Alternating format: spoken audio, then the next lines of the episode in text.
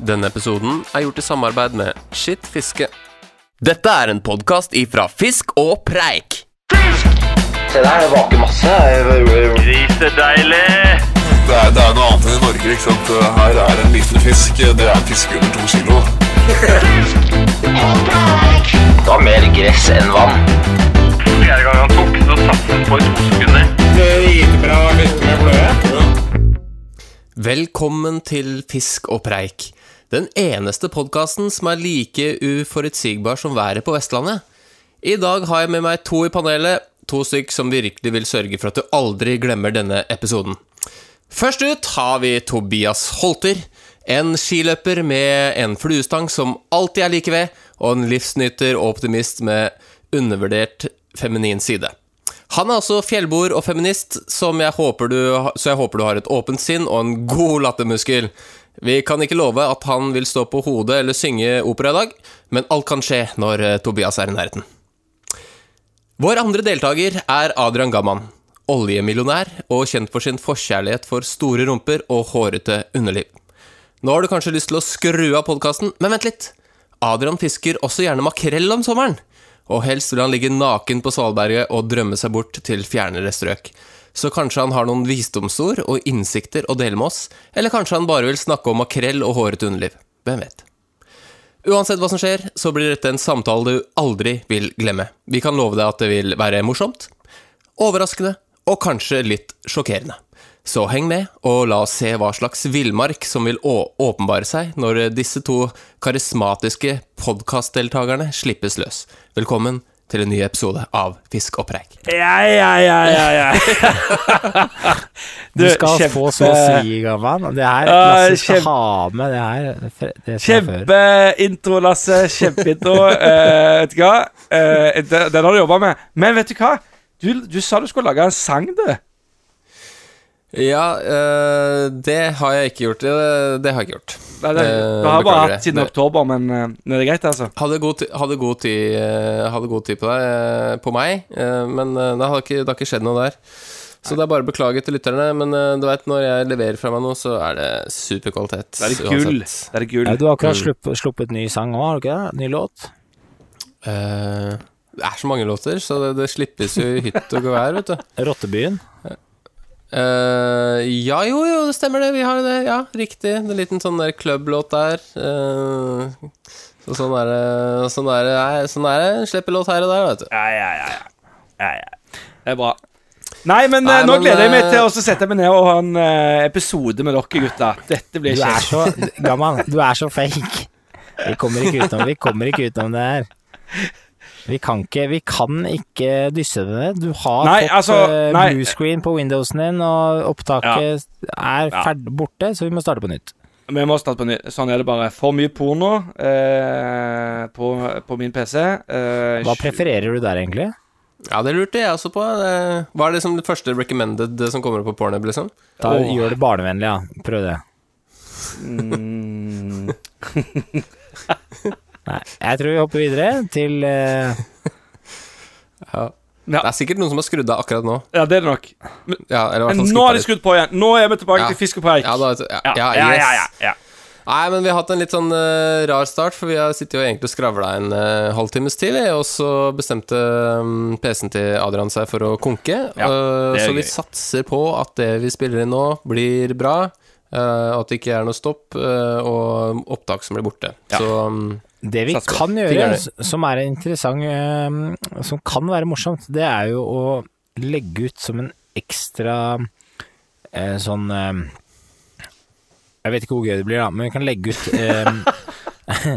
Vi kan legge ut de første 30 minuttene av det vi spilte inn i stad, med min og din Lasse sin stemme, og så ser vi bare Kanskje det bare blir helt mm, Helt teit Helt å høre på, men Ja, eller en konkurranse, eh, rett og slett. Hvis, la oss si at vi legger ut eh, 30 30 minutter eller 10 minutter whatever, Ja, av altså- det, og så skal lytteren fylle inn for Adrian. Ja. Ja, ja, det er gøy. Det er gøy.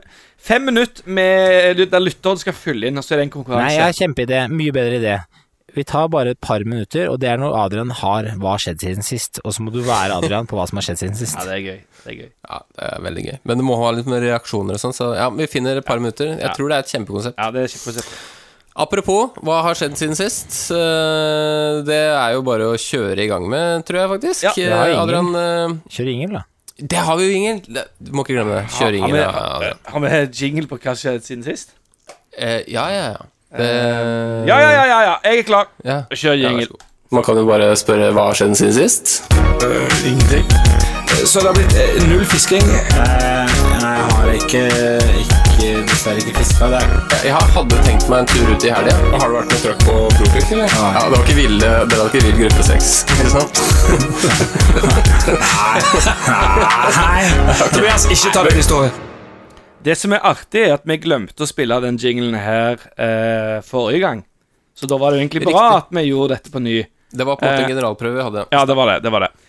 Eh, skal jeg begynne, eller? Ja. Jeg Ja, vi kjører samme, eh, stru- samme struktur som i stad. Ja, la Lasse, jeg kan du spørre om jeg har fiska. Har du fiska? Ja, jeg har fiska. Ja, det visste jeg. Derfor jeg sa det i stad. Men det blir jo spennende for lytterne. Ja, ikke sant? det blir- ja, lytterne vet jo ikke dette, lytterne vet blir. Jeg tipper du har Eh, fiska i et lite vann med treerstang og nymfe, kanskje? Nei, Eh, nei, jeg, har fiska med en, eh, en streamernymfe. Streamernymfe. Det er det, det, det jeg har fiska med. En bitte Hva er, eh, hva er det egentlig? Altså, det er utrolig at ikke du Den har jeg bundet sjøl. Det er min egen uh, lille Det er min egen lille Hva skal jeg si uh, oppfinnelse. Det, det er en kulehode uh, med Med hår. fluffy, fluffy hår. Ja. Den er bra. Ja, Den funka som juling, den. altså Det var jo ikke stor fisk som ble tatt, da men det er ikke veldig stor fisk i det vannet heller. En tre hektors mista en på seks-syv hektar. Hva er det du definerer som stor fisk i så fall? I vannet der så er Eller ikke eller generelt i Rogaland, da. Får man fisk over uh, halvannen, så er det, det er stor fisk. Ja, det er såpass, ja. Det, Det fins. ja, ja, ja, ja, ja. Ja, ja, ja, ja. Når, dere, når dere kommer Det er så bra, fordi du, du, du hauser Rogaland så jævlig opp.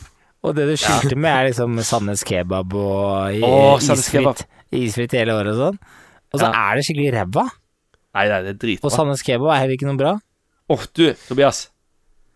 Si Nei, det det- når du er på Sandnes Kebab i vår. jeg skal gi det et nytt forsøk, men sist jeg var der, så fikk jeg et pitabrød fullt av kjøtt og litt Ja, mais. fikk ja, men da kjøpte du feil, for du skal ikke ha pitabrød. Du skal ha Rull. deilig, deilig sølvkuk, sant? Rullekebab. Det Ja. sier litt Sandnes. Ja, nettopp. Ja. Det dere kaller det. Jeg skal ha en, jeg, jeg skal ha en stor sølvkuk. Nei, vi sier sølvpikk, faktisk, sier vi. Vi sier sølvpikk. Ja, dere gjør det? Ja. Ok, nettopp. Eh, eh, så det, det har jeg gjort. Um, eh, ja, så snakket vi om noen rotter og noe greier som ikke dere fikk vite om. Uh, for det ble jo vekke. Uh, ja. Jeg uh, Ja, vi var jo inne på en genial idé i Ja, det var, generalprøven. det var på med. Det var med. Ja, eh, mus, faktisk. Og mus. Ja, Ja, eh, fordi vi spurte, vi spurte hvorfor er det så dårlig i Rogaland. Eh, hvorfor er det så liten fisk der? Mm. Og da sa du at nei, jeg tror det er pga. insektlivet. Og det er eh, Sur, sur, sur vann. Surt i vannet. surt. Og da vann. kom Tobias på den geniale ideen at ja, men hvorfor starter de ikke med oppdrett av mus? Ja. Og så bare rett og slett få de bare- feite. Og, det, og du mente jo at dette kunne man få subsidier for, fordi ja, i hvert fall hvis du gjør et, lager et arrangement ut av det, og har det årlige museslippet Ja, 22. mai. Ja men, Mm. også, du, men, men Lasse mener man skal få subsidier fordi at da, da reiser folk til Vestlandet istedenfor New Zealand. Ja, det her er sånn CO2-kvoter og sånn, ikke Men sant? da er det med tog, da, Lasse, de må reise. For at du Ja, skal du må, få du må reise med tog eller elbil, da. eh, eh, Eller sykle. Det er veldig grønt. ja, da, Eller rulleski, de- Tobias. Ja, eller rulleski. Ja, og det da er det sånn, jo grønnere du reiser, i, i, så hvis du reiser på det grønneste nivået, så får du fiske i kattevannet. Der er det også mm. katter. Ja. Der, snakket vi også om at det kan jo bli litt motstand fra lokalbefolkningen. Men, men eh, rottevannet, det burde være bra. Jeg tror faktisk, for å komme inn på det, så tror jeg det grønneste man kan gjøre, det er å uh, ta tog. Jeg tror det er grønnere enn å sykle eller jogge. Jeg tror jeg tror det er man- Jeg tror luftballong kanskje er det beste.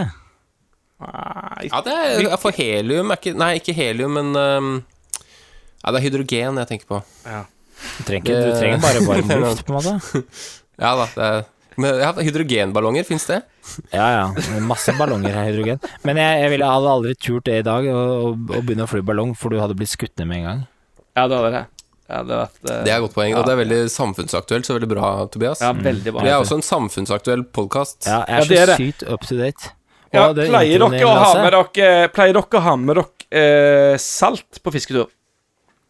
Eh, Hvis jeg skal eh, Hvis hensikten er å lage egen eh, eh, rakfisk, ja. Ok. Ja. Nei, de som vet, de vet. eh, I forhold til den samfunnsaktuelle temaet jeg tok opp der. Ehm, men eh, sånn er det bare. Ja, nettopp. Kjempesterk sterk historie, gammal. Kult. Ja, takk for det. takk for det. Eh, Bortsett fra det Ja. Du leverer gang etter gang. Kanskje vi skal Jo, jo, fise videre, som Lasse pleier å si? La oss, var. Du la oss fiska eh, rotte sist. videre. Ja, ja du har fiska siden sist, og det er veldig bra, Adrian. Ja, det er bra. Um, Det er bra. Uh, jeg klarte sikkert å lire fra meg fem minutter i stad med ting som har skjedd i livet mitt. Uh, Ta det ned til to, helst. Ja, uh, Vi kan ikke referere hele tiden til hva som skjedde i stad, for det er det jo ingen som kommer til å få høre. og det var ikke så jævlig morsomt. Så, Nei, så hvis vi var- kapper, vi kapper greit. den halvtimen nå ned til 20 minutter, så tror jeg vi har gjort en kjempejobb. Jeg, og jeg tror Ja, ja. faktisk at det er mye morsommere med det vi har nå, enn det vi hadde sist. Uh, Ja, så- ja. Så det er mye bedre. Det her er mye bedre. ja, kanskje vi skal gjøre det til en sånn eh, greie at vi alltid snakker en halvtime først, bare for å varme opp stemninga Ja, jeg tror det er, må varmes opp litt, altså. Det må det. Jeg har ikke fiska Jeg har ikke fiska. Uh, det, det er egentlig veldig kort oppsummert. Uh, men det som er viktig å tenke på, det er at jeg har tenkt Jeg tenkte jeg skulle ut en tur. Ja. Ja, Du har tenkt mye på det, fiske. Altså, øh, tenke, det, det er for så greit, men jeg har to spørsmål til deg. Det er kjempeforhold i Østfold. Det er det, og når det er det, så er det kjempeforhold i Vestfold. Så hvorfor har du ikke fisket sjøørret? Det var spørsmål én. Og spørsmål to er hvorfor tar du ikke nå som det er ti grader og sol, og rusler ut på Hagatjern, borer deg noen høl, setter ut noen meierstenger med mark og kan fôre opp med pultost og sitter der og tar en halvliter, og det er gangavstand, vet du. Og bare koser Ja, deg, på en måte. Nei, ehm, akkurat det med Hagatjern jeg har, eh, der, eh, det, det, det, har, det, har jeg ikke noe, det har jeg ikke noe behov for. Men jeg kunne godt tenke meg å stikke en tur eh, ned til eh, Vestfoldkysten. Jeg har ikke fiska så mye nedover Vestfold. Det har jo blitt mye Østfold eh, siden man bodde i Oslo. I Horten, vet du. Jækla Um, bra. Jeg, Ja, det er jo mye bra, vet du. du, har, du sett den der, har dere sett den der dokumentaren om han, der rana, han som rana så mye småfilialer i, i Vestfold? Eller var det Østfold? Nei, Vestfold. Nei. Er det han eh, Nei, jeg er ikke helt sikker på hvem du mener. Det var eh, Vestfold, men det var jo en kar som Det er en sånn eh, Discovery-serie om en kar som Norges mest, kjente, Norges mest kjente bankraner. Han har haugevis av filialer. Han har åpnet bakeri i Horten, og der selger de en et ba han, han har starta bakeri og jobber der nå, han er jo ikke i buret inne lenger. Og så du kan stikke til eh, Horten, fiske deilig sjøørret på Rullesteinstranda mens du nyter en sånn deilig krabbelure rett i nebbet. Ja. Uh, krabbelure. De, de selger krabbelure. Ja, det er kjempebakverk. Ja, Få det inn i nebbet. Få det inn i nebbet. Ja. Ja, men det høres bra ut. Ja, men altså, det som er, da at, eh, Dagens synes- stikk til Horten, kjøp deg krabbelure, fisk stor sjøørret med st streamernymfa. Men for de som er fra Horten, da, øh, og de som fisker rundt der, øh, for det er veldig kort avstand, det er sånn jeg kan ta rett etter øh, jeg henta kiden i barnehagen, eller før, eller formiddagen, eller sånn. Det er sånn halvtime unna. Jeg syns det er litt sånn vanskelig Altså, det er veldig sånn åpent vann der. Eh, mye Eller, eller sånn mye, str mye strømninger. Ja, det er ikke bra, det, eller? Eh, Nei, jeg liksom føler det tidlig på sesongen så må du liksom gå for de, de buktene som er liksom eh, Som er litt for seg sjøl, Eh, som kanskje ikke er så påvirka av strømninger og sånn. Det er mulig jeg tar feil, da. Men Bornholm i Eh, mars, det er attraktivt for deg. Ja, det er så sjukt uh, godt poeng, faktisk. Nei, men så begynner du å se litt nedover, da, så ser du Sandefjord, for eksempel. Der er det svære fjorder, masse fine tarmer. Som er, å, er litt skjult. Men det er mulig jeg tar feil, da. Men jeg bare ser på kartet, så mister jeg litt trua før jeg drar på tur. Nei, du må ikke gjøre det. Uh, Nei, men, Martin, eh, Pedersen, Martin Pedersen heter han der bankraneren. Han er uh, kjempemessig Han er på om han har kjempe... Du får inn, du får inn eh, info uh, Du har sånn sufflør, du. Så gir deg info på sida. Ja, jeg har det. Og det, hun er jeg ansatt på heltid. Hun er veldig Ja. bra. Eh, og han har bakeri i Åsgårdstrand. Det er Ja, nettopp. Der er det fint, vet du. Ja, Vestfold. Er fint. Der er det jævlig bra med sjøørret også. Ja, jeg fiska, fiska masse i fjor. Så jeg Jeg fisker jo litt eh, nedover der, da. Eh, Men ikke akkurat nå. Jeg skal, eh, Innen neste podkast så har jeg vært der masse. Ja, det håper jeg. Men Nei, jeg har vært i, jeg har vært i Horten mange ganger. Jeg. Det, det, er, det er dritfint i Horten. Jeg glemte bare Ja. den krabbeluren. Men apropos neste podkast, da har jo vi lovt til oss sjøl at vi skal sette opp en plan for Ja. våre. Det er ikke Horten for øvrig. Det er, i, det er for sånn side jeg, Nå kommer suffløren min fra sida og sier at det er i Holmestrand. Men det er nesten ved Horten, er det ikke det? Ja. uh, Det er ganske langt unna. Hæ? Er det ikke det? Det er en times tid eller sånn. Vestfold og Vestfold, tenker jeg da. Ja, ja, ja, ja. Nok om Ja, Vestfold spesial. Det er sikkert Eh, veldig mye feil info fra vår side nå. ja, nei, Holmestrand det er jo enda nærmere meg, det. Ja, ikke sant? ser jeg på kartet. Du er bare Men du, du tenkte etter du, kan, etter du har henta ungen i barnehagen, så kan du stikke rett til Holmestrand, kjøpe krabbelure og fiske sjøørret. Mm. Har du noen gang tenkt på For at når jeg er på duejakt, eksempel, så bruker jeg jo lokkedur, men det er vanskelig å bruke hun, Dattera di, Lasse, er jo veldig liten, eller hun for fisk Hun er jo stor for å være en fisk, men har du vurdert å kle hun ut som en sjøørret? Legge hun ut i havet, og så kan hun være som en lokkefisk? mm, Det er det Ja. veldig få som har prøvd. ja, eh, med god grunn, tror få jeg. som har prøvd det, i hvert Med fall. god grunn. Det er veldig få som har prøvd. Men ja, la oss overføre lokkefisk lokkedur til eh, lokkefisk. Det, jeg vet ikke om det er overførbart. Du kommer men, eh, mye, med mye bra konsepter i dag, Tobias. Du Ja, gjør det. gjør det. Du har ja, eh, museslipp og lokkefisk, det er Ja. eh, Altså, jeg føler at vi er eh, Vi er på, vi er på god vei her nå. Hvis du Altså. tar og slår de to sammen, så får du lokkemus. Da har du det. Der er vi over i den vulgære Vi stopper deg der, gammel, Ja. og så tror jeg vi Jeg tror Tobias skal få lov til å ta over uh, Jeg skal bare få lov til å si én ting om denne her eh, fantastiske uh, streamernymfa mi. Ja, vi er tilbake der, ja. Mm. Det var den med kulehode og litt sånn bevegende hår på. Ja, ja, ja, ja. Laks på fire kilo på femmerstang med streamernymfa. Det, det har tatt, ass. Det, det funker ikke hver gang. Du hadde bare sånn liten sånn derre Nei, jeg må bare skryte litt. Ja, men jeg må- jeg må- jeg, litt. Jeg må bare si det der streamer du for. Den funker som juling, den, altså. Den Ja, du får legge ut en bindebeskrivelse, da, så Liten bindebeskrivelse av den, så er alle happy. Jeg husker ikke hvordan jeg bandt den, ass. Men jeg kan, prøve, jeg kan prøve å begynne på ny og så legge ut. Kan Ja, for du har bare, du har bare én. Ja, ja, bare bundet én, ja. Ja, ja. Nei, men putt på noen hår, putt på noe hår som beveger seg, noe marabu for eksempel, og så et lite Ja. så tror jeg det er det. That's it. Mm. Det har du den. Det trenger ikke være vanskelig. Nei, Nei, la, eh, da- Tobias, Tobias, hva har skjedd siden sist? Nei, vi sparer kremen til slutt, gjør vi ikke det? Det har skjedd jo. mye siden sist, men eh, vi konsentrerer oss kanskje om det fiskerelaterte, så mm, Jeg har vært på New Zealand med Bjørn, og han er jo der enda, men nå fisker han ikke, nå driver han og jakter. Men han er jo så å si like fri som en merket ringdue, han. Han har ingen barn, ingen jobb, ingen bil, ingen forsikringer og ingen fremtidsplaner, bare en veldig bra dame. Så han er like, det er, men det er nok det for bønna. Så han, eh, han er en type som lever i nuet. Ja, Det er bra. Det er perfekt. Han lever bromselivet fullt ut, han. Ja, jeg, er det, er, det sånn at det, er det sånn at vi kunne ringt han nå liksom sånn spo, øh, spontant og liksom spurt hvordan går det, liksom? Jeg skal ringe til Bjørn, jeg. Jeg tror ikke du kan ringe han Hvis du ringer han nå, så tror jeg han sitter Da skremmer du noe hjort, antagelig. Jeg fortsetter, jeg, så kanskje du kan eh, Hvis du får tak i en, får du bryte av, eh, gammal. Ja, jeg skal gjøre det. Men jeg derimot, jeg har masse jobb, og så har jeg masse bil og masse forsikringer, og så har jeg ikke så mye fremtidsplaner, men jeg har masse damer, så jeg er, også, jeg er litt mer fucked enn Bjørn, da. Ja. Men jeg er ikke så fucked som dere. Um, så jeg fikk meg jo tre uker der nede, mens dere har sittet hjemme i høstmørket og sett på fruene deres amme unger på rundgang. Ja, det Altså, Adrian ammer jo. Eller mora til barna til Adrian, men uh... Jeg tror kanskje Jeg trodde du skulle si mora til Adrian Ammer. Ja, er Jeg tror Adrian ammer. Det er ikke, skal ikke se bort ifra at Adrian eh, ammer Ja. litt, han òg. ja, det, er, det er lite Det, er på jo meg, litt ass. sånn, det er jo litt tids på fyren. det er litt måte. sånn Ja, det var var det jeg skulle til å si. Det er antydning til manboobs her, er det ikke det? Ja, det er deilig, de boobsa mine, ass. Liten sånn chips i stad, så bare fylle på, på en måte. Nei, vi eh, eh, Kort oppsummert, altså fikk Bønne bønna jeg Vi fikk eh, 91 fisk på 20 dager.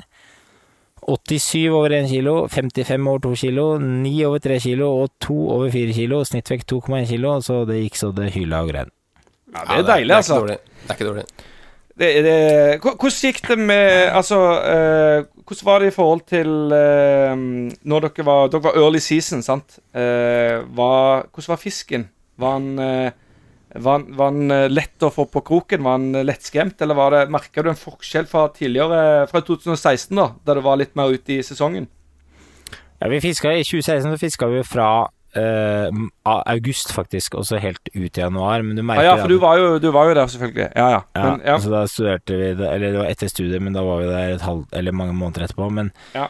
Så vi merker jo det at det er, det er ganske enkelt å komme på talefot med de, sånn generelt sett. Og så er det enkelte elver hvor det er, eh, hvor de er superspooky, men det kan, kan kanskje ha noe med vær og vannføring og sånn å gjøre også, ikke nødvendigvis at det er høyt fiskepress der, da. Så litt av så, altså, Men generelt sett enkelt å få fisk, og veldig Det jeg ikke husker fra 2016, var at det var så mye ehm, Det var jo så sinnssykt mye tør, altså, Vi fikk mye fisk på tørt, og det var ganske mye døgnfluer. Så vi, vi fikk jo sikkert halvparten av fisken på tørt, så det var ikke bare nymfe, da. Så med en Ja, det er ganske kult. ja, så det, er, det var veldig sånn er overraskende, og da er det ikke Det er ikke sikader og svære terrestrials som eh, gjelder. Da er det døgnfluer i krok eh, 16 og 14 og 12, på en måte. ja, det er Og gøy. så Men lenge er det, fisken- er det samme art, arter som vi har her hjemme? Det lurte jeg litt på.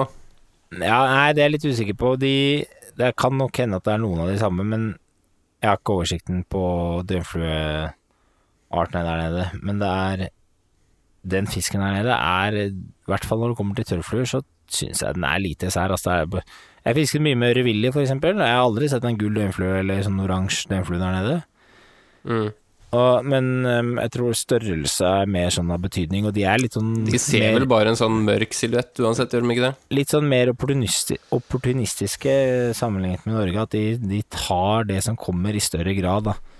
Du ser jo veldig sjelden at en fisk står og vaker, da må det være en eller annen heftig klekking, men det er jo, det ser vi jo sjelden egentlig, men hvis fisken står grunt, så, så er det gjerne sånn, vi, både jeg og Bjørn er jo eh, ganske smarte mennesker, for vi er jo venstrehendte, så vi kaster jo med eh, venstre arm. Og det er jo jækla praktisk, når vi, for da har vi én nymfestang, og så har vi én tørrfluestang. Så uh, tar vi alltid noen kast med dry først, og, Ja, sånn, så, ja. ja, og så kan vi bare Nei, den tok ikke tørrflue, så setter vi på, tar nymfestanga, og så kan den andre stå og bytte, da. Så vi fisker jo Vi er jo blodig effektive når vi holder på, da. Ja, det er veldig praktisk. Men er, er det, har dere samme setup på stengene, liksom? Nei, han kjører en sånn pinnestiv eh, Thomas og Thomas, eller en Orvis 3, litt avhengig av hvilken som ikke er knekt. Og så har jeg en For det er alltid eh, en knekt til hver tid. Nei, som regel en som er knekt. ja. Og så har jeg en uh, Scott G2 som er dyp, med en sånn supertråd line. Så det gjelder jo å Du vil jo helst fiske med hans stang, for min er jo det, det tar lang tid å få ut 20 meter, på en måte. Ja, jeg husker jeg bonda litt med Bjørn en gang eh, oppe i Nordmarka, så vi fant ut begge at eh, begge foretrakk eh, stive senger. Så akkurat som var sånn der, vi- var liksom litt utafor alle andre, så skjønte vi at nei da, vi to vi har det samme. Ja, men vet du hva, jeg fikk litt litt sånn Jeg bonda litt på det samme nivået, jeg òg, for jeg sto der nede og, og liksom Jeg krøkka så sinnssykt med å få skikkelig bra presentasjon med litt vind, og med den myke stangen og et ganske langt kast, og så Nei, en tar ikke den. Jeg følte jeg hadde bra med flyt. Altså tok jeg hans stang, og så var det halvparten av luftkastene, og traff fisken i huet hver gang. Og han hadde en det var, det var vel en eh, Helios 3-stangen, med en sånn aircell-line, men det glei jo som bare rakkeren i forhold til den setupen min, da. Ja, nei, men da, da er det bare å bytte. Jeg mistenker at jeg har hatt mye sand, det er jo sånn pro-tip til dere som driver fisker, at hvis du har mye sand på Hvis du står og fisker på en sandbanke, eksempel, så er det en dårlig idé å liksom stå der lenge uten at lina ligger i vannet, for da får du uh, små sånne skjær i ringene, og så blir det sinnssykt trått. Uansett hvilke liner Ja. du har, så blir det bare helt jækla trått. Friksjonen Ja. øker. Men jeg, jeg tror altså, det er- sånn generelt problem eh, på New Zealand, føler jeg, at man kan fort få litt trå liner. da. Ja, Det er lett, det er lett å få Altså, det er vanskelig å unngå det. ja, det- men det er litt rart. Men det er kanskje fordi det er ofte det er sånn tørt og mye vind, og de tørker litt sånn ut. Ja, det kan være. Men jeg syns også ja, at de så blir Der, der har det sikkert en for seg å smøre den. Syns også de blir tråd veldig fort, da. Men i hvert fall, vi kjørte Det som er liksom problemet når det er early season, er jo at været kan være litt ustabilt, og vi jakter jo alltid på det gode været. Så da blir det mye kjøring, da. Og det var jo alltid godvær et eller annet sted. Det, det er jo ikke gitt, gitt at det er. Det kunne vært regn over hele øya, på en måte, i flere uker. Ja, ja. Og elvene stiger veldig, veldig fort, da. Men det var alltid godvær to, tre, fire dager i forskjellige områder. Men da ender det med at vi må kjøre dit, da. Og da så endte jo med å snitte ca. 200 km hver dag da, i bil. ja, det er ganske mye, faktisk. Hva var den lengste dagen i bil, da? 14 timer. Da kjørte vi fra Nelson i nord og så helt ned til Gore Oi. i Ja, sør. ok. Og det var, eh, det var Bilen til Bjørn er en gammel Hilux fra 96 også, som begynte å riste litt idet det passerte 80 km i timen, så du måtte på en måte eh, ta det litt med ro, da. Hva var den kjekkeste, Hvor var den kjekkeste plassen dere fiska?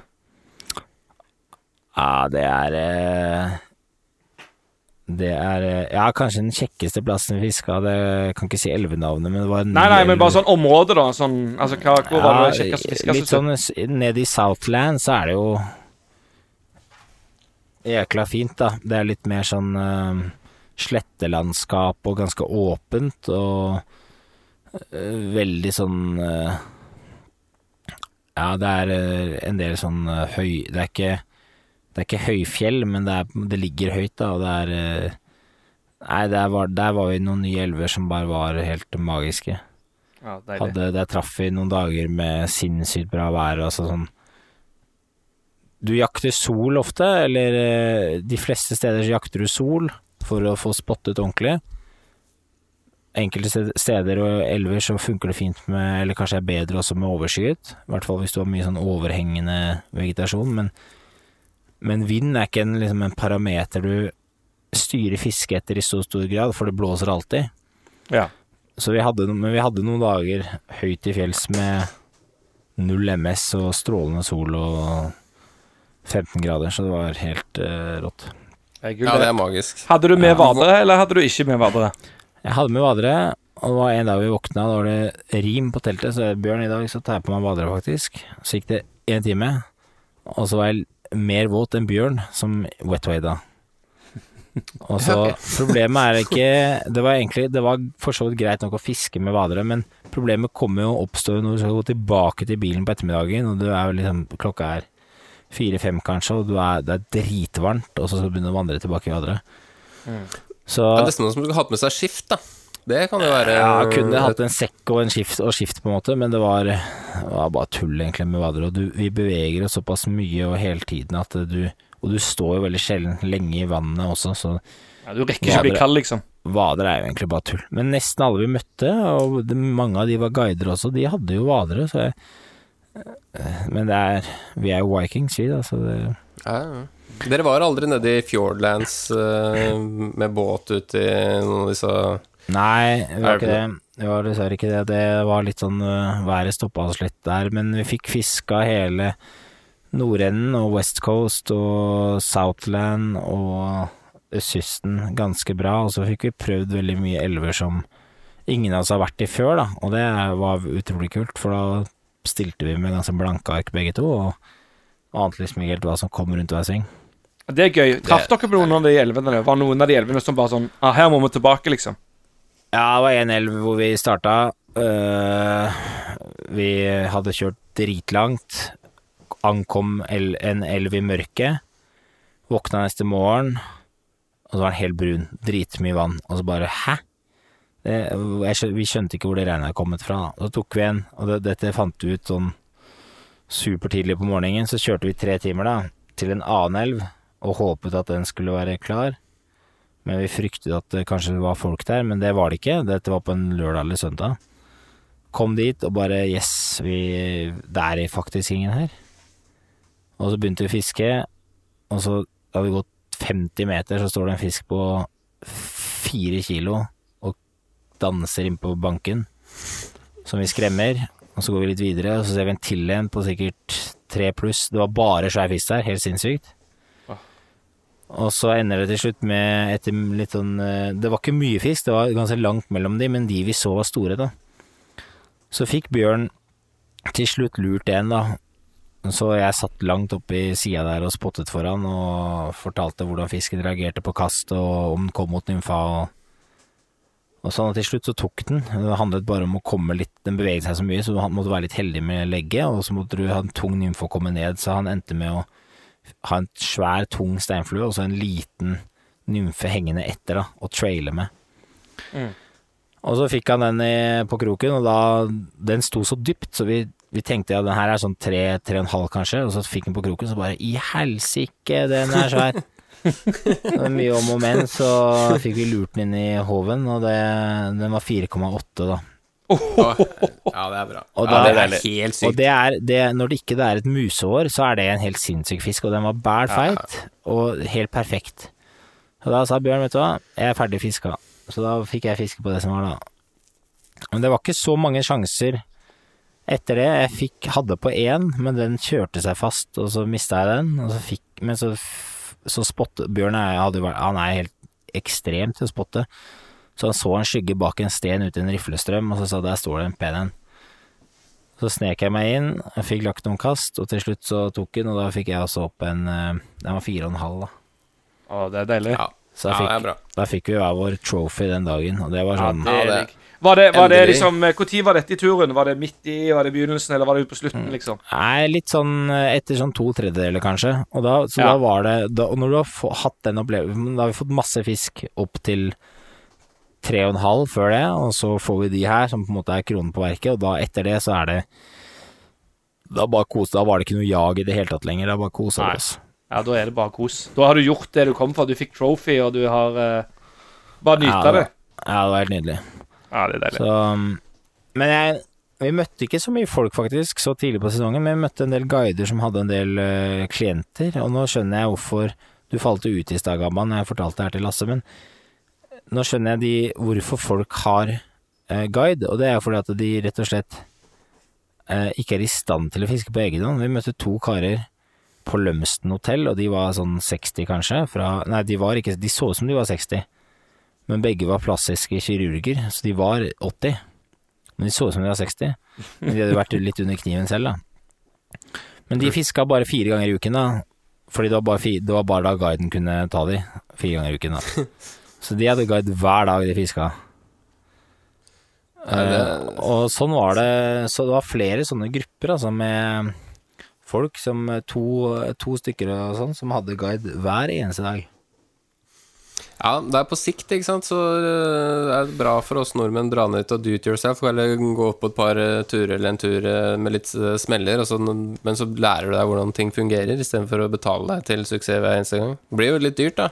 Ja, det blir sikkert et par Det tre er, tusen eh, om dagen, liksom. det er fort sånn 5000 norske for en dag med guide omtrent.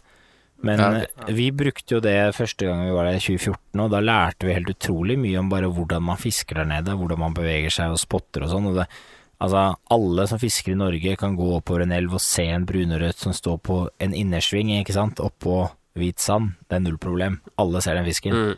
Til og med de som aldri har fiska, ser den fisken. Problemet er jo å se de fiskene der du har en mer sånn leopard, eller mer sånn eh, flekkete bunn, da, og hvor Ja. fisken står i litt raskere vann. Eh, så det er jo veldig mange steder hvor vi går oppover, og så står vi kanskje i fem minutter, ikke sant, og så plutselig så ser vi at Det er ikke ofte, det er ikke alltid du ser hele fisken, eller du ser kanskje bare at en stein skifter litt form, og det er fordi halen av fisken er utenfor steinen, ikke sant. Mm. Så det er sånn, hvis du tror det er fisk som, hvis, det, er- hvis du har sett bra med fisk oppover en elv, og så kommer du til en kulp som du tenker at her står det fisk, så gjør det helt sikkert det, du må, må bare bruke tid på å finne det. Mm. Men eh, det er er sikkert ofte chill sånn, med guide. det hjelper Ja, det, men sånn som Bjørn, da, han har jo ja, han har han, Jeg føler jo Fridtjof også er jækla dyktig på I hvert fall etter at de har vært der en stund, da. Så får de bare sånn øye for, eh, for det å finne fisk. Men det handler jo litt om erfaring, eh, vil jeg tro, da. Så Ja, det var litt eh, gøy Det var litt gøy når Simen og Fridtjof De kom jo ned og hadde overlapp med meg. Det var litt synd, for de landet, og så hadde de tre dager hvor de satt og stura på flyplassen, for bagasjen kom ikke, så de fikk låne noe utstyr av en lokal eh, sportsbutikk og fiska noe sånn der i parken i Christchurch og sånn. Mm. så de fikk jo noe fisk og sånn, men det var stemningen var ganske laber, da. Men så endelig fikk de bagasjen, og så hadde vi én dag eh, sammen, da. Og da valgte Bjørn å fikse bilen, for det var noe bremsetrøbbel. Det var sikkert lurt det, da, men da dro jeg og Fridtjof og Simen og fisket en, eh, en eh, sånn Spring Creek til en svær elv ikke så langt fra Christchurch. Og de to da liksom første Da var det Da, det, da hadde ikke de stilt, fått stilt inn øynene sine helt ennå, da. Så da syns de Jeg følte jo alltid at jeg var underdoggen når jeg gikk med Bjørn, men når jeg gikk med de to, så var jeg plutselig Da var jeg plutselig han supervision, da, som så alt. Ikke? Ja. Det var morsomt. Men da hadde vi- kommer inn sånn greie. Nei, det var også en helt, helt sinnssyk dag med, med de to. Da fikk eh, både jeg og Fridtjof regnbue på 3,5, og så fikk Simen en brunørret på 3,2, og så Nei, det var eh, flere fisk over tre. Ja, det Var det, var det en ny Spring Creek, eller var det, Ja, var det men, nei, du har ikke vært der, i hvert fall. Nei, nettopp. Så gøy. Nei, så veldig bra. Vi traff veldig bra. Så det er En morsom historie var når vi kom Vi brukte Vi hadde en tredagers eller firedagers oppover en dal. Og vi hadde hørt at det var dritbra i 2019, men der var det skikkelig Vi bare gikk og gikk og gikk, tenkte det blir snart bra. Men det ble aldri bra, og til slutt så var det ikke vann igjen. og da tenkte vi nei, nå har vi i hvert fall prøvd, det har vært helt oppe i toppen, på en måte. Så da snudde vi, eh, pakka ned telt og leir, og så begynte vi å vandre ut, da. Og dette her er en ganske sånn trang dal med bare sånne elvebanker med sånne tuer. Akkurat som du går hvis, du, hvis, du, hvis dere har vært i Renaelva og gått på Linset øst. Bare sånne svære, sånne svære tuer. Ja, og sånn var det liksom langs elva. Og så ser jeg langt i det fjerne så ser jeg bare noe hvitt. Og tenkte, hva i all... Er det et helikopter? Ja, det kan det være. Og så kom vi nærmere nei faen, det har jo vinger. Og så står det et fly midt nedi dalen der. Med verdens største gummihjul.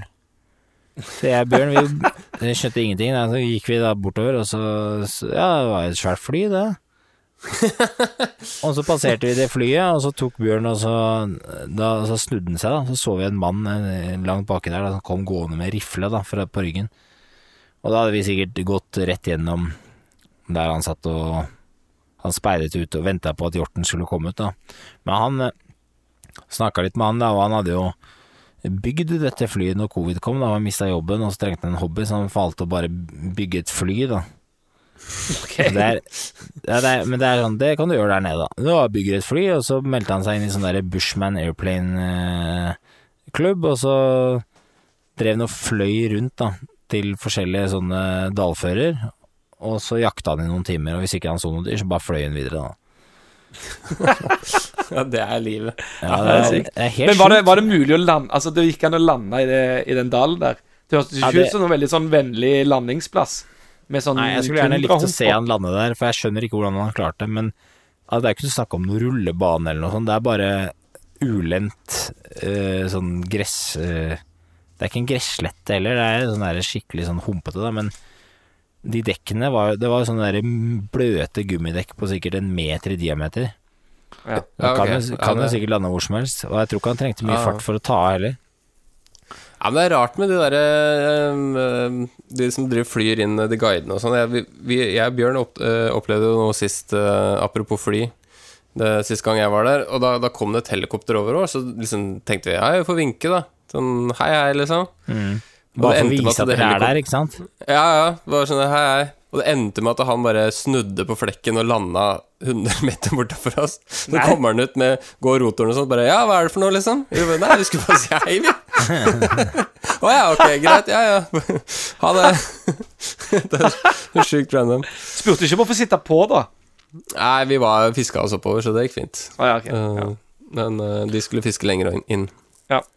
Det var bare Vi bare vinka, han trodde det var Mayday eller et eller annet. Ja, da, da gjør du jo, tar du henda over huet, ja, gjør sånn. Ja, ja. ja, ja, ja.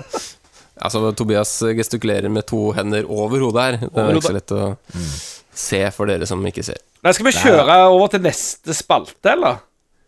Ja, det er Ja, kanskje på tide. Vi har jo Ble fått dere, ble dere eh, litt sånn fiskesugne av, uh, av New Zealand-historien? Åh, Ja, det er det her jeg lever for, kjenner jeg. Det er eh, den type turer. Eh, Dere ble jo mata Dere ble jo mata med snaps. Med snaps. jeg var Ja, det var deilig. Jeg var ganske god Ja. på Snapchat. Ja, det var det. Veldig. Det var, det. jeg Det har var lagt veldig god. ut, jeg har lagt, jeg har lagt ut veldig mange av de snappene i Hvis du går inn på For Reels sin eh, Instagram-konto, så er det en sånn eh, høydepunkter fra NZ22 til 23, der ligger det ganske mye snadder. Hvis man har lyst Ja, det, til å det, Skal vi- det skal jeg gå inn og se på, selv om jeg har sett alt. Ja. Det er som en, du kunne vært influenser, du. Ja, du kunne det. Ja, det kunne jeg faktisk. Jeg tror jeg hadde vært en god en. Fiskfluencer. Ja, det kunne det vært. Nei, så vi Eh, hopper vi, videre. det, det er tusen, tusen takk til Tobias. Tusen, takk, tusen takk. Ja, Vi skal vi, videre. skal vi ja, det er jeg som er programleder her. Ja, ja, ja. Så skal vi ja, rett og slett Nei, kjøre men da hopper vi videre til uh, lytterspørsmål, da. Kjør, Inger.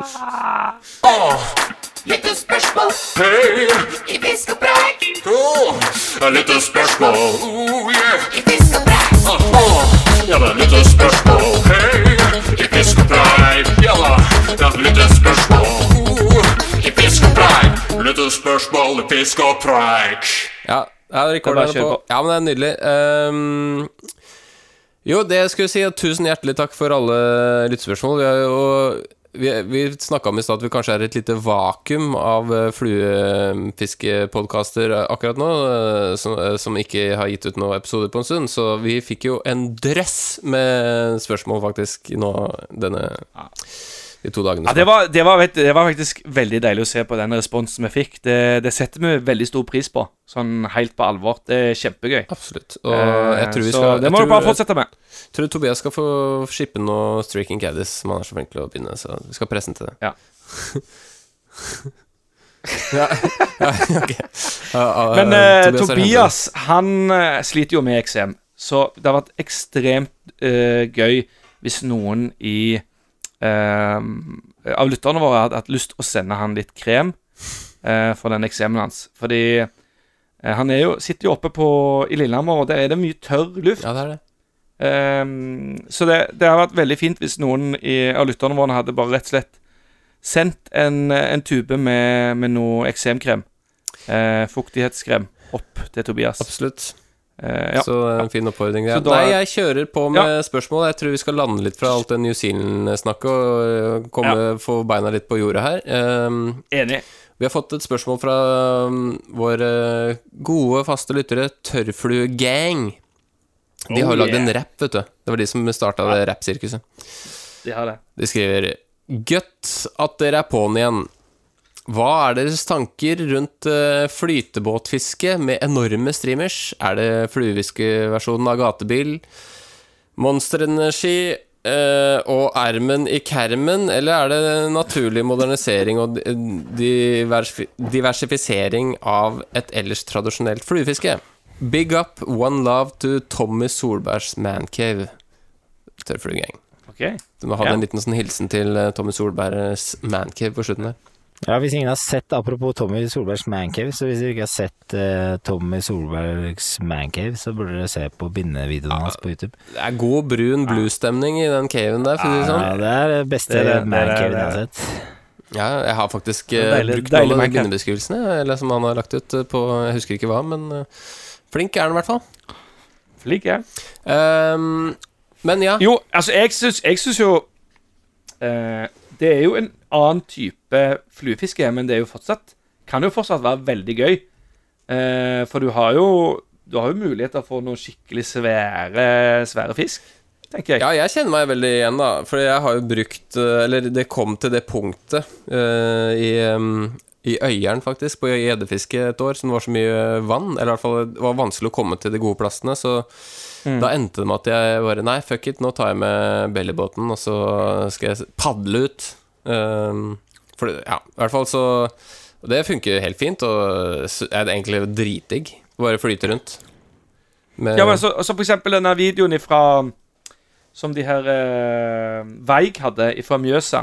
Da kjører de ut med en, eh, en båt og fisker midt på Mjøsa. ja, stemmer. Eh, altså, jeg syns det, det, det er fair, det. Altså, du, Får du en sekskilus på flua fra båt, så er det jo jævlig gøy, tenker jeg. Jeg, bare, jeg har en anbefaling, og det er å ikke ta med fruene deres på um, sånn langtur med bellybåt, fordi bellybåtene er ganske tunge, og det gjorde jeg med frua mi eh, ganske tidlig i forholdet, og så pakka en bellybåten til Fridtjof ned i sekken, og sa ta på deg denne og sykle opp til Heglevann, og det ble hun med på.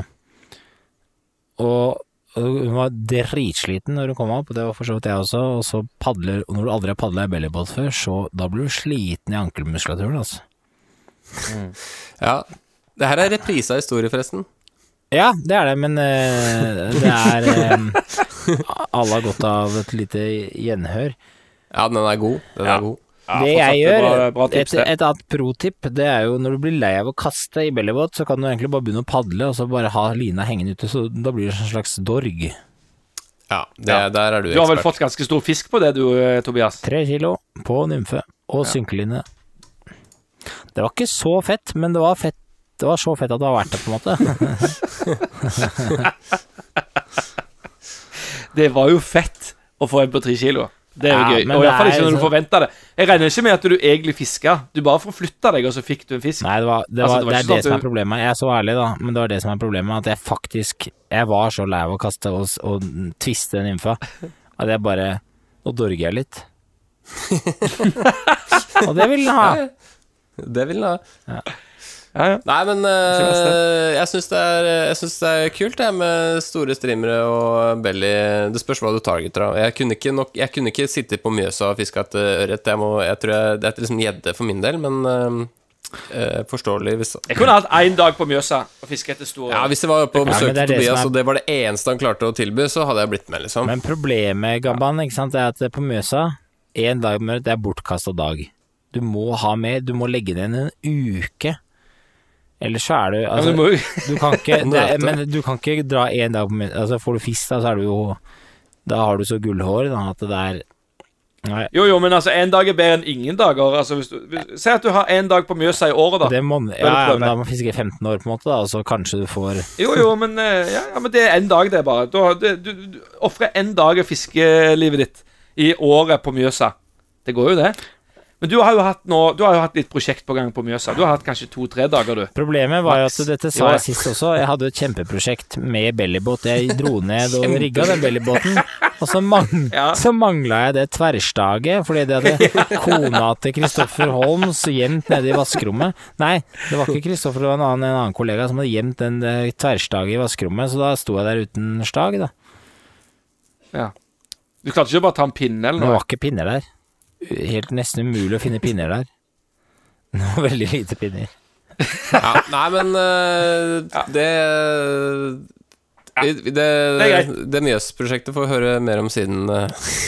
Nei, jeg tenkte kanskje jeg skulle gi det et nytt forsøk til våren. Jeg pleier å si det, og pleier å gi det et forsøk også, men eh, det må jo smelle snart, på en måte. Ja, det var det. jeg gleder meg. Kan jeg ta neste spørsmål? Nei, jeg har lyst til å ta det. Eh, jo, det er fra Jørgen Sæter.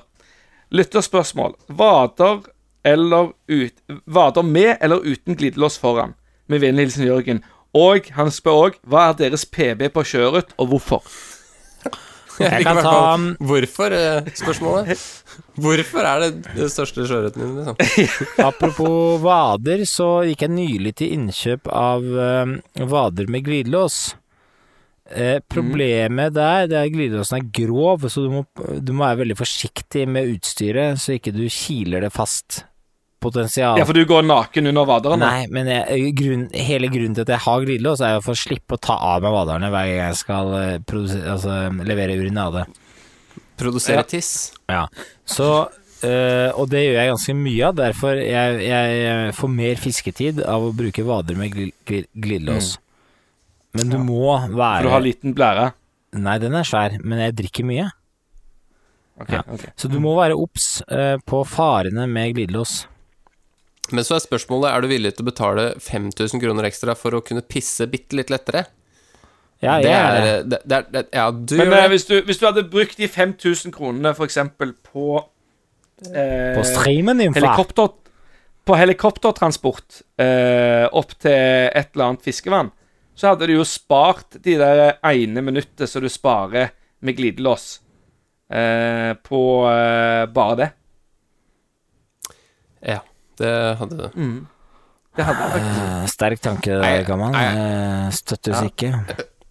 Ja, Nei, det støttes jo ikke er, sånn fra et eh, miljøperspektiv. Er veldig- Det gjør det ikke. Tobias er veldig cocky på det her, fordi han har fått det spandert av jobben. Så han er liksom blitt storkar, han nå. Fått seg Ja, ja, G4 glidelås. glidelåsfadere. Eh, Men det er bare Du hadde ikke kjøpt det hvis Nei, du men eh, hadde jeg har en sånn eh, Jeg har en sånn ursuit uh, overlever Sånn tørrdrakt også, og det er jo egentlig det nye. Det er jo mye bedre enn vadere, for vadere stopper Ja. jo oppe på brystet. Men en sånn Ja. usut tørrdress, tørrdrakt, der kan du vade til halsen. Ja, det er Men da må du ha lodd på deg, da, så ikke det flyter opp som en Ja ja, men det er bare å lodde seg ned med blybelte, det er ikke noe problem med det. Mm. Og da kan, du, da kan du vade Da snakker vi vading. Bare vent til, Ja, eh, bare vent til sesongen og se meg i rena. Du ser ikke meg, du ser bare et hue som stikker opp midt uti elva der. Det har jeg veldig lyst til å se, Ja, til og hvis du vil på andre siden av elva, så er det jo bare å ta, så, øh, ta på seg snorkel og dykkemaske Ja, ja. og komme seg over, da. Ja, ja, Det er kjempe- Jeg bare går på bunn. Ja, ja, og tørr, tørr som uh... Ja, tørr som en kork. Ja, ja, ja. Nei, men Gleder meg til å se det bildet der. PB Altså. på kjøret er interessert i å høre gammaen, for den tror jeg ikke er så stor. Den, nei, den er, den er på 1,9, tror jeg den er. Hvorfor? Og hvorfor Eh, Skal jeg si hvorfor? Det er litt flaut. Men den, den PB-en der, den tok jeg eh, når jeg var ti år, og det var på sluk. Nei, Ok, ja, det er ja, ikke. ja. Derfor. Nei, men det er Derfor. fair, det. Hva er PB-en på flue, da? Eh, den er på 1,7. Bøsserøven? Eh, nei, dessverre ikke. Men jeg har fått mye fin, fin, fin fisk på bøsserøven. Det har jeg. Jeg tror det var ei reke. Men uh, hvorfor?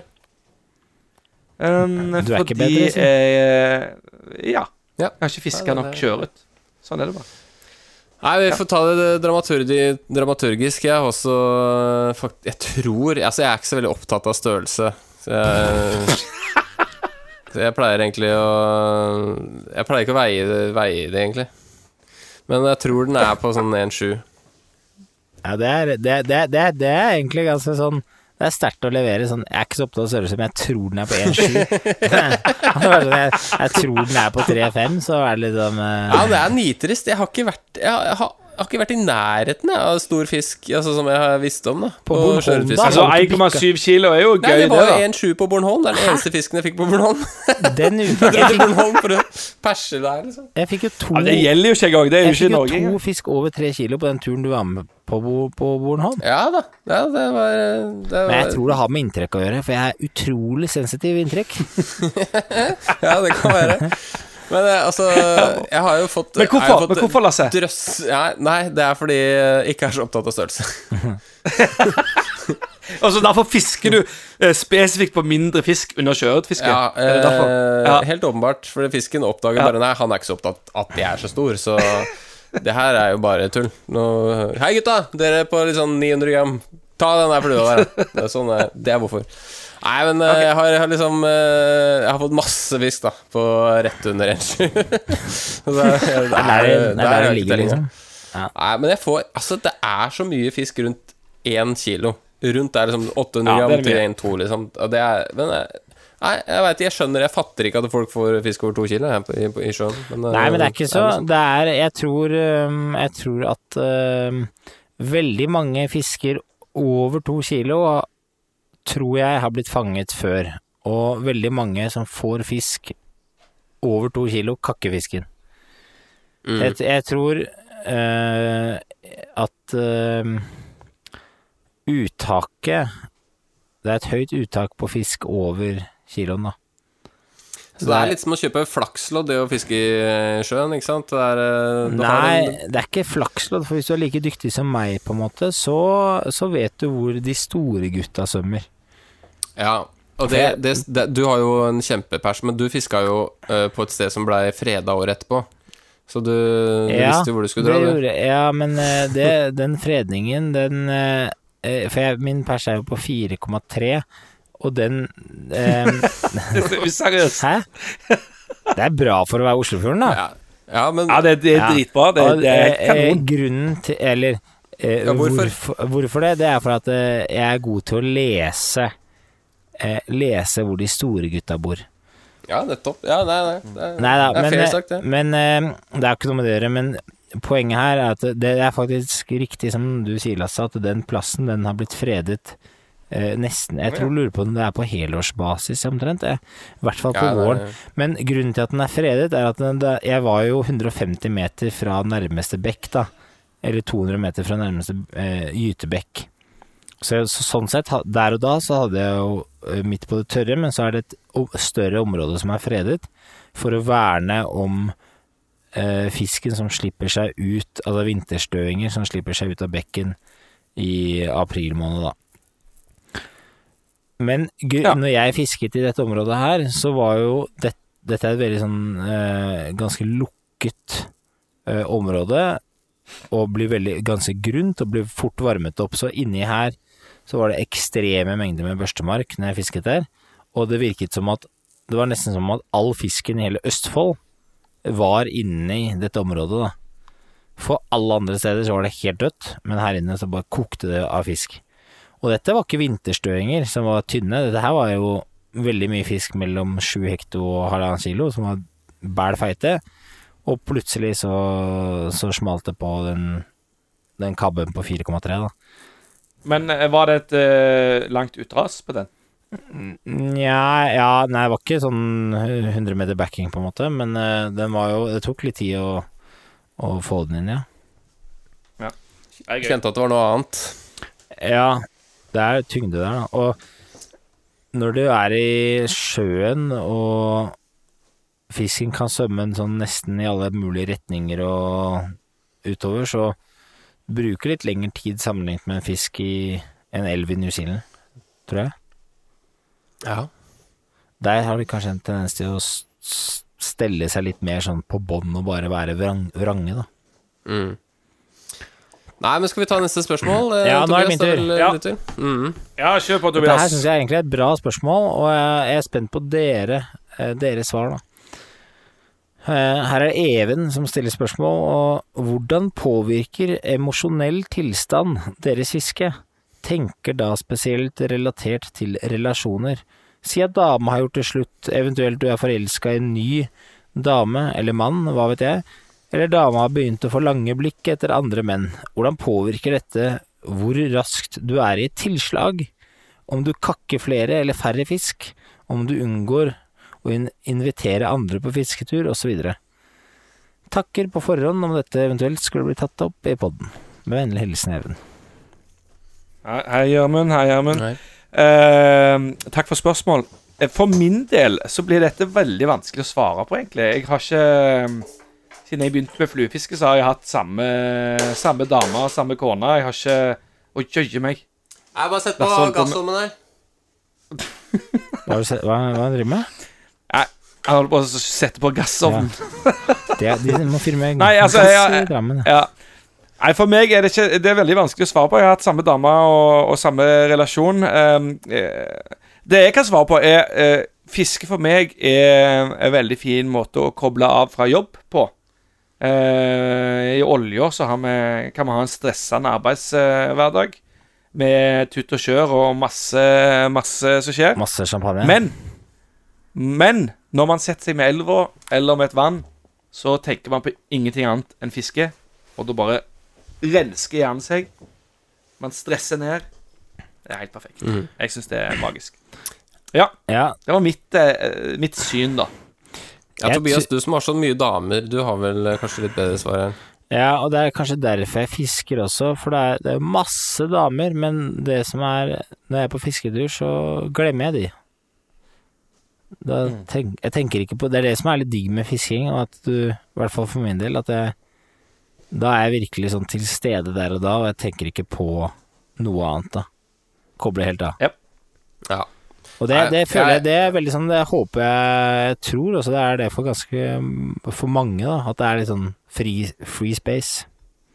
Ja, Det er det. Ja, det, er, det er egentlig akkurat det samme for meg, med unntak av å være på fisketur. Jeg kan være, For eksempel, jeg var på, i Finnmark med en av de første åra i Finnmark sammen med broren min. Og da, da utgangspunktet var liksom eh, Alt er digg, kjempestart på turen. Men så begynner jeg å bomdra mye fisk, og han får fisk, ikke sant, og hører han nedi elva Svær, det er- er dritsvær, kom, kom med håven! Sånn tre-fire dager med den stemninga, da, da, da surner jeg litt, faktisk, og blir stressa på, på fiske når du ikke får det til, men andre får det til. Men borts, altså, Det har jo ikke noe med spørsmålet egentlig å gjøre, men det, det er det eneste gangen jeg kan bli sur langs elva, på en måte. Ja, for du, du kakker ikke flere fisk hvis uh, fruene er sinna, på en måte?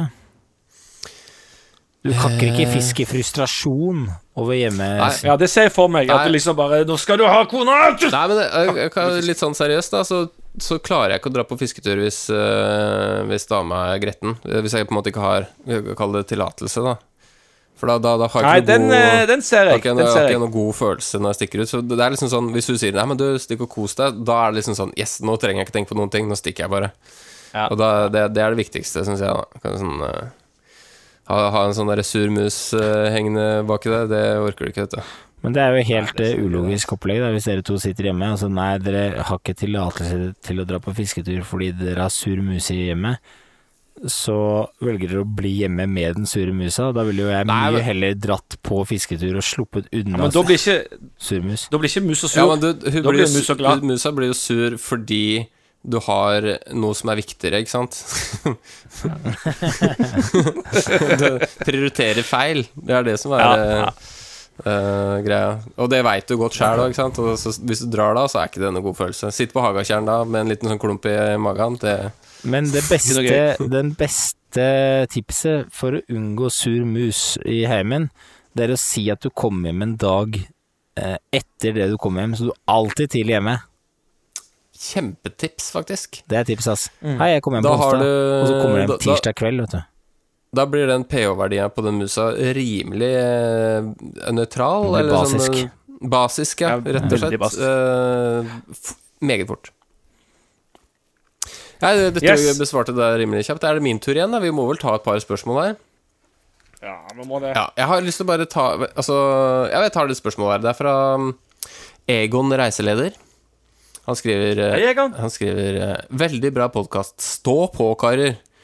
Det er hyggelig. Det er, det er, Ja, det er hyggelig. Det er veldig hyggelig. Vi står jo på. Stå på. Vi er tre som gjennom en mannsalder har dratt på fisketur sammen. Gruppa består av slukspruten Duracell, Hans, eh, Hans Fiskelaus og Egon reiseleder. Fiske har vi gjort hele livet, og alle begynte med flue rundt 14-årsalderen. Min første fluestang var konfirmasjonsgave fra opphavet. Stanga ble kjøpt av legenden Bjørnar i Jarle og Bjørnar fluefiske. Godt gjestemateriale eh, til podden, skriver han. Så til spørsmålet. Enda vi har fisket sammen eh, mer enn de fleste, så blir vi aldri særlig samkjørte hva gjelder spilleregler, spilleregler langs elvebredden. Det er blitt tatt opp en rekke ganger. Det blir den samme historien år etter år. Skal man gå eller vente? Hvem har førsteretten? Hvor nære kan man stå hverandre? Kan man gå fra de andre? Skal man gi bort plassen når kvota for lengst er fylt, øh, og øh, stusslige øh, Hans Fiskelaus kommer forbi? Kan slukspruten få fot... Nei, slukspruten få fotlenke, osv. Som dere forstår, har vi ulike meninger. Har dere tips, forslag til spilleregler? Om ikke, hvordan kan vi komme oss frem til noen? Takk. Hilsen Egon, reiseleder. Det enkle svaret her er jo at uh, å dra på fisketur bare Men drit i å fiske, på en måte. Bare sitte i leir og kose seg. Ja, men jeg kan relatere ganske Altså de gangene jeg har vært på sånn uh, uh, organiserte turer, da, som for eksempel da til Cola, så er det veldig viktig med spilleregler. Uh, ellers så kan det fort bli sur stemning i gruppa. Så der er det da, Vi har jo hatt Kai da som gruppeleder, og han er ganske beinhard på Han sier liksom dagen før vi drar ut at ok, dere fisker den delen av elva, og vi fisker den, og det er ikke lov å fiske på andre sitt strekke, for det, det, det gjør man bare ikke. Eh, og, og, og da er det jo selvfølgelig etikette hvis man treffer på hverandre etter, utover dagen, at man spør pent om det er det kan vi Eller du får jo som regel forslag om at ja, det er bare å fiske, liksom, men eh, ja, bare ha litt sånn klare regler på, på hvor man fisker, da.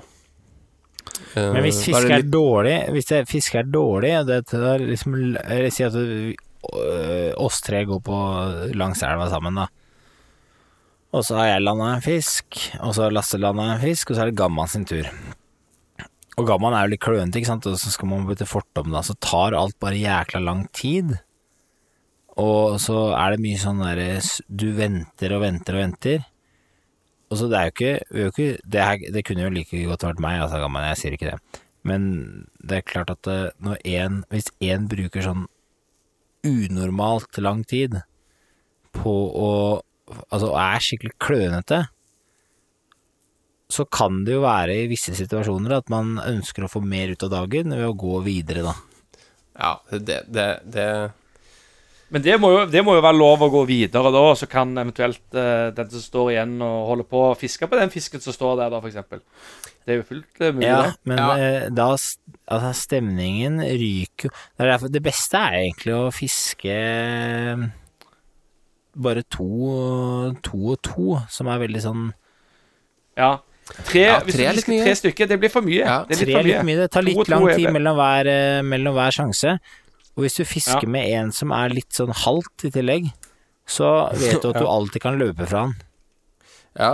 Uh, og komme først til først er det neste også krok, litt da. sånn der, Hvis du fisker sammen med en som øh, er litt stressa i utgangspunktet da, på fisketida si, uh, så må du egentlig bare la dem, uh, la dem få løpe løpet sitt, tenker jeg da. da får, Mm. Det, det, det fins jo den typen òg.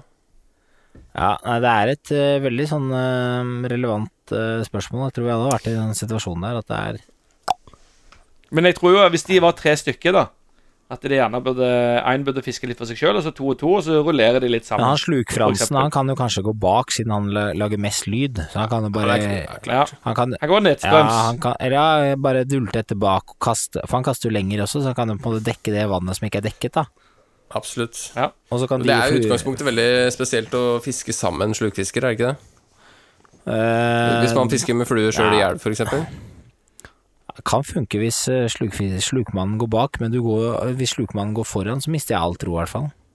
Ja, det er litt sånn Og det er faktisk eh, Det er ganske irriterende hvis man går og fisker sammen med en med sluk, Mm. og, og så går han bare liksom Kaster oppstrøms, eller kaste liksom der man kanskje tenker seg at man kan fiske med flua, Ja, da. men det, du, Ja, Det, der må man nok ha Men da er det fortsatt på en måte en kompis, og du, du kjenner den, så det går an å på en måte si at du Tjommi, det Ja, ja. Ikke sant? Men det er mye verre hvis du er i en elv, og så bare er det en på motsatt bredd som banker en møresilda rett ned i fanget på deg, og Ja. begynner å sveive inn, og 'halla, hvordan går det med deg', da?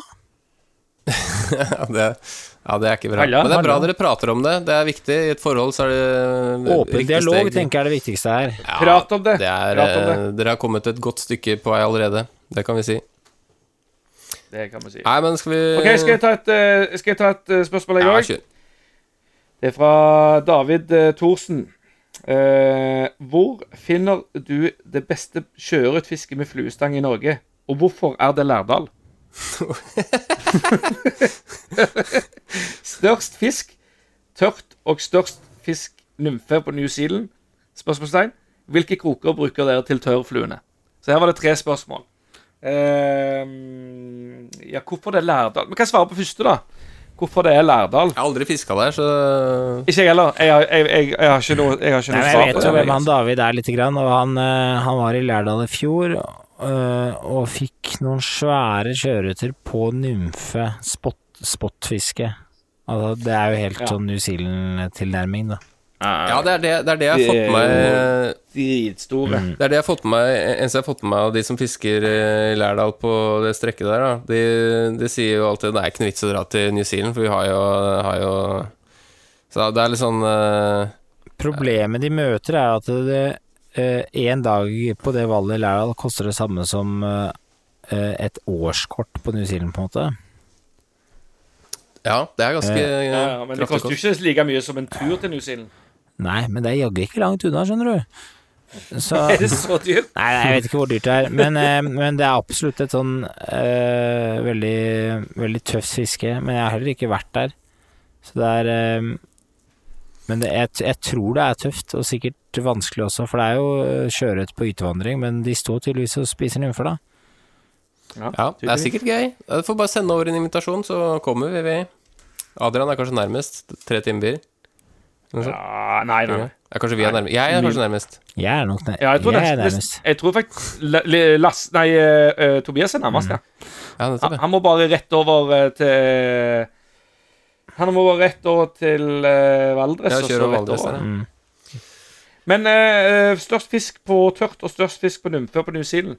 Jeg kan begynne, uh, for det er dramaturgisk riktig at jeg begynner.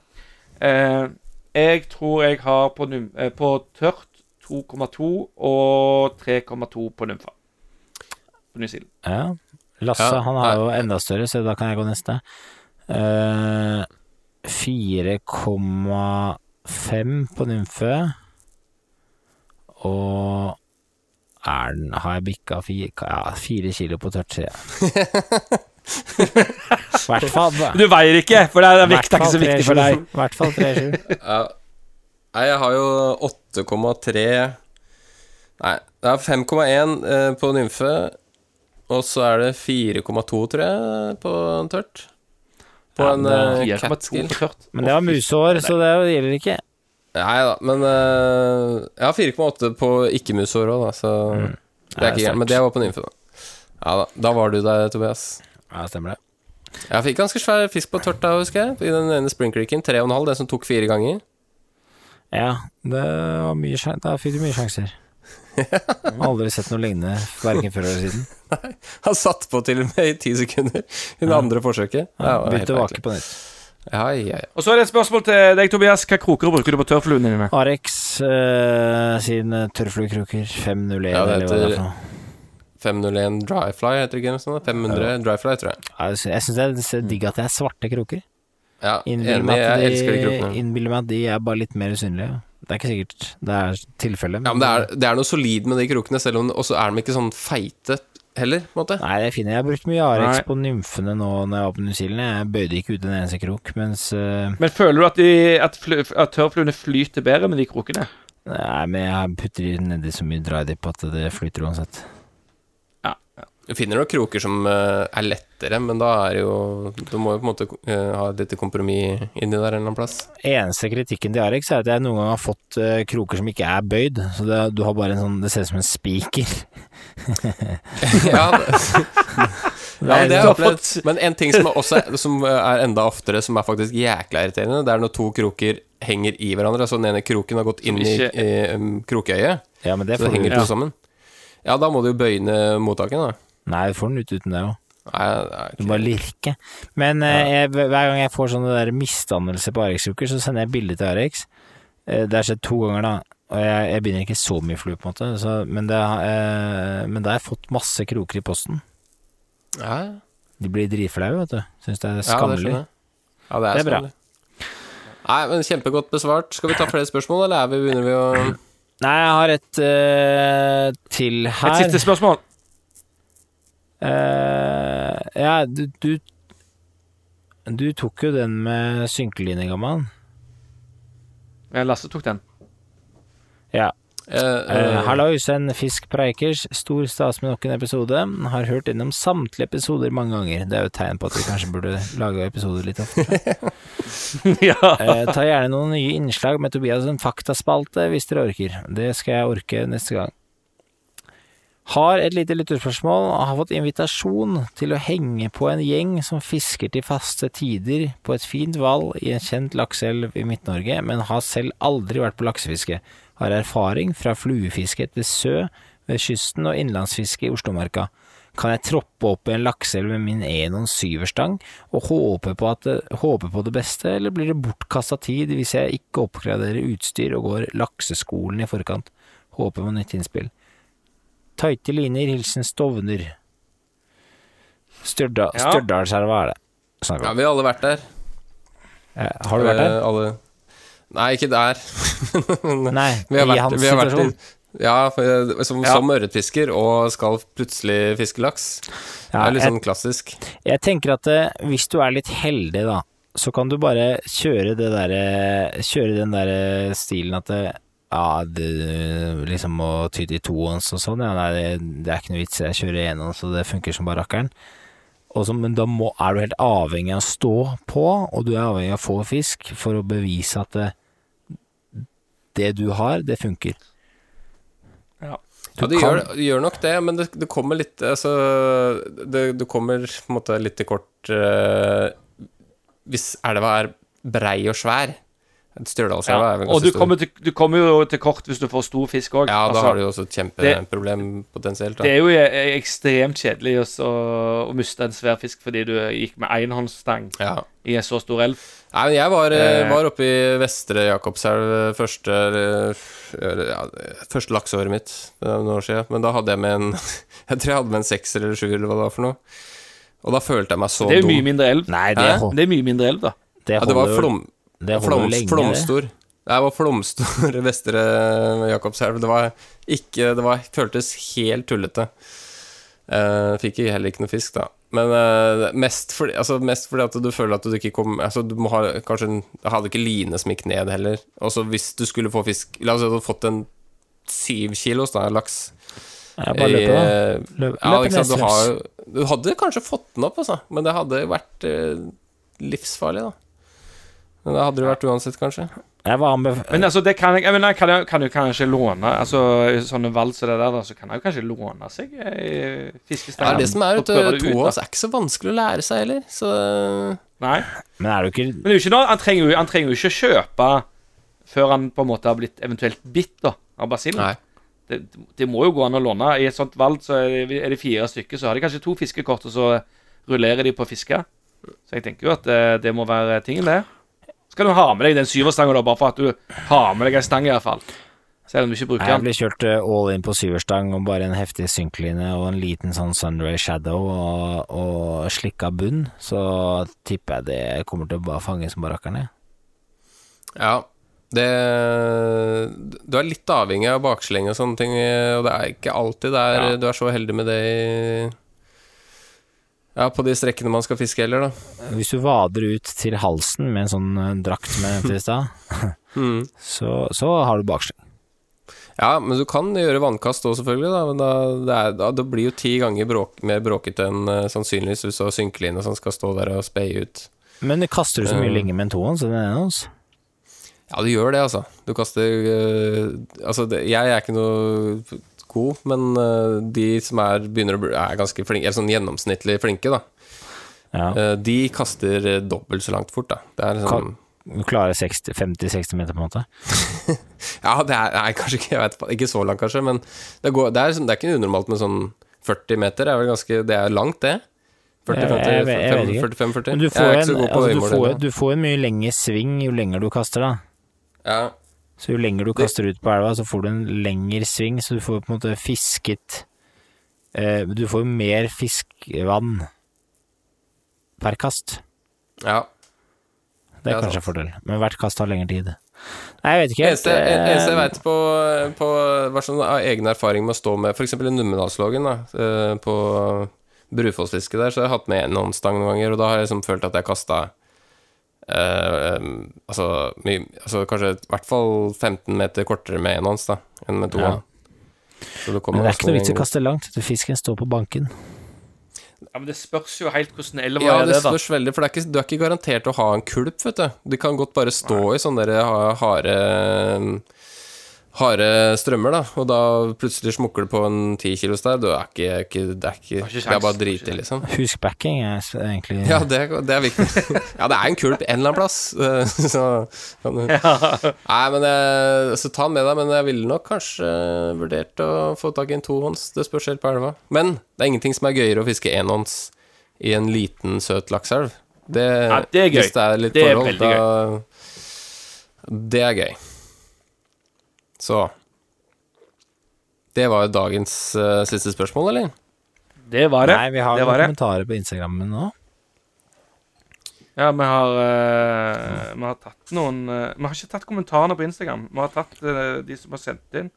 Ja. Skal se på kommentarene, da. Om det er en eller annen liten kommentar vi kan Det har vært veldig mye respons. Vi rekker ikke alle spørsmål Nei, det er denne vi gangen. Altså. en eh, Altså, vi har jo ikke kommet gjennom halvparten engang, så Nei, vet du hva? Vi tar, eh, vi tar de eh, Vi tar ett spørsmål her, fra Øystein Aas. Hvordan la du opp dette til Tobias? Hvordan la du opp rulleskøytene på grusbankene i New Zealand? Hvilke hjul brukte du? Ja, den er lett. Eh, jeg kjørte jo naturligvis firerhjul, som er de tyngste hjulene. Og så det, det var ikke noe problem, det, altså. Og, og da beveger du deg fort langs elva også, med rulleski. Men det eneste problemet var at det var, det var dårlig stavfeste ganske mye steder. Mye svær eh, Ja. lang, ned, Langt ned i grusen. Ja, Nei, interessant, Sånn er det. interessant spørsmål. Veldig bra, veldig bra svar. Ja, det er veldig bra. Nei, vi tar og lukker lyttespørsmål-spalten for denne gang. eh, Og så tar vi opp spørsmåla som vi har siden, eller bare send inn eh, på nytt, for så vidt, eh, til neste episode. Vi lodder ikke ut noen Streaking Caddies, tror jeg. Uh, jo, jeg tror vi skal gjøre det, faktisk. Men det kan vi Eh, kanskje bestemme oss for til neste gang. Nei, vi må, vi må lodde ut en Streaking Caddis. Ja, Eh, jeg, jeg syns jo du skal gi bort en Streaking Caddis til han som skal opp og fiske laks, for det kan jo være en skikkelig lureflue eh, blant Ja, ja, ja, ja, ja. laksevennene til, eh, til han eh, Ja. Enig. Skal den ha sånn Skal, Så han skal den eh, ha sånn derre Skal den ha sånn egge... Sånn derre hotspot i rompen også? Trigger point, er det han sier? Trigger point. Trigger point. Det er bra ha laks. trigger point. Ja, ja, men det er det. Ja, ja, han må ha en eh, oransje trigger point. Ellers kan han få en for den kan også være giftig på laksen. Ja, for det kan Jeg er sikker han kan få en av hver, jeg. Ja, så da kan du traile Ismo-puppaen etter Det er, nå, det, nå er det langt over grensa til raus her. Ja, men han får to, da. Det er snilt, det, da. Ja, nei, men uh, send han tre-fire Caddis. Så blir det- blir det bra, det, Tobias. Ja, for Ja, men send inn, send inn adresse, skal du få, eh, få noen fluer av Tobias. Han er, jo- han er jo ikke noe å gjøre oppi Han har ikke unger eller noen ting, så det å binde fluer, det skal han han få til. tid. Ja, det fant du. Ja, ja. Det Ja. ordner seg, det. Yes! Nei, men veldig bra. Jeg Håper Ja. alle dere lyttere har uh, kosa dere. Vi skal ha anbefaling, skal vi ikke det? Uh, jo, kjør Ingil. Jo, jeg har en anbefaling. Ha med snickers på tur. Fiskerusletur. Jeg skal anbefale et uh, nytt produkt. Og det eneste gode jeg har til deg, det er å være sterk i trua. Franske bakvarer. Croissant. Croissant. Jeg vil faktisk anbefale fisk og preik. Jeg vil faktisk anbefale Fisk og preik. Den, den tar vi hver gang. Hei, Kristoffer Løvaas. Kjekt å høre på. Kjekt å høre på. Jeg, jeg har faktisk en anbefaling, og det er eh, hvis du har en podkast og har litt dårlig tid og må skrive en intro, så gå inn på um, ChatGPT, og så ber du den skrive en eh, intro for deg, akkurat sånn som jeg gjorde i denne episoden her. Mm, perfekt. Ja, jeg glemte Det det. Jeg glemte, det. Det skal jeg bruke. Jeg Jeg, glemte å nevne det, men jeg, jeg syns det lukta ChatGPT av introen. Jeg beklager, jeg skal lage en eh, original intro i, i form av sang og musikk til ja, kanskje neste episode. Nei, Jeg har jo egentlig vi har, Ja. ja. jeg må nesten gjøre det. Det er, jeg har litt dårlig ja, det må du gjøre. Du er jo Ja, det må du gjøre. Fordi Tobias, Tobias er etterpå det, Lasse. Og det gleder vi oss veldig Ja, det er et stort Det kommer til å bli et uh, høydepunkt i uh, Ja, jeg tenker jo England og fans, eller et eller annet sånt. Jeg gleder meg òg, for det, dette er planlagt lenge, og jeg gleder meg så utrolig mye til jeg havner på lufta, på en måte. Og det er eh, det blir, her blir helt rått. Ja. Hva var uh, ukas anbefaling, nei, episodens anbefaling, mener jeg. Eh, ja. Du har jo kommet med din. Har du noe, Tobias? Ja, min anbefaling til alle lyttere, det er å se på uh, bindebeskrivelsen av denne streamer-nymfa som uh, Gamman skal For den uh, bindebeskrivelsen, den kommer på YouTube nå snart. Nei, det kommer ikke på Og det er kulehode med bevegelig hår. Ja, og min eh, anbefaling er å lage Prøve, prøve litt forskjellige ting på, på nymfefronten, eh, streamerfronten. Du vet aldri hva som kan fungere. Det er så, dår- det er så dårlig anbefaling. Ja, men jeg, jeg har Det er sånn helt opplagt. Ja, Hvis du er på do, så vil jeg anbefale deg å faktisk prøve å sette deg ned på et eh, toalett og og se hva som kommer. Og etter du har vært på do, så vil jeg anbefale at du tørker deg i ræva. Det er, Jeg tror vi tar og avslutter der, jeg. Ja, nei, men jeg vil, jeg vil faktisk Apropos bindebeskrivelser, for vi snakka om han eh, Tommy Solberg i stad, ikke sant? Og han har mm. en mancaven. Gå inn på den kanalen hvis man har liksom manko på han, han har masse bindebeskrivelser, og så sier han alltid Han sier Vulgata til Vulgata, og det syns jeg er så koselig. Ja, det er morsomt. Og hvis han eh, Hvis eh, Tommy hører på, så kan han bare kontakte meg, så kan han få bindebeskrivelsen på streameren Ja, på. tenk deg det, da.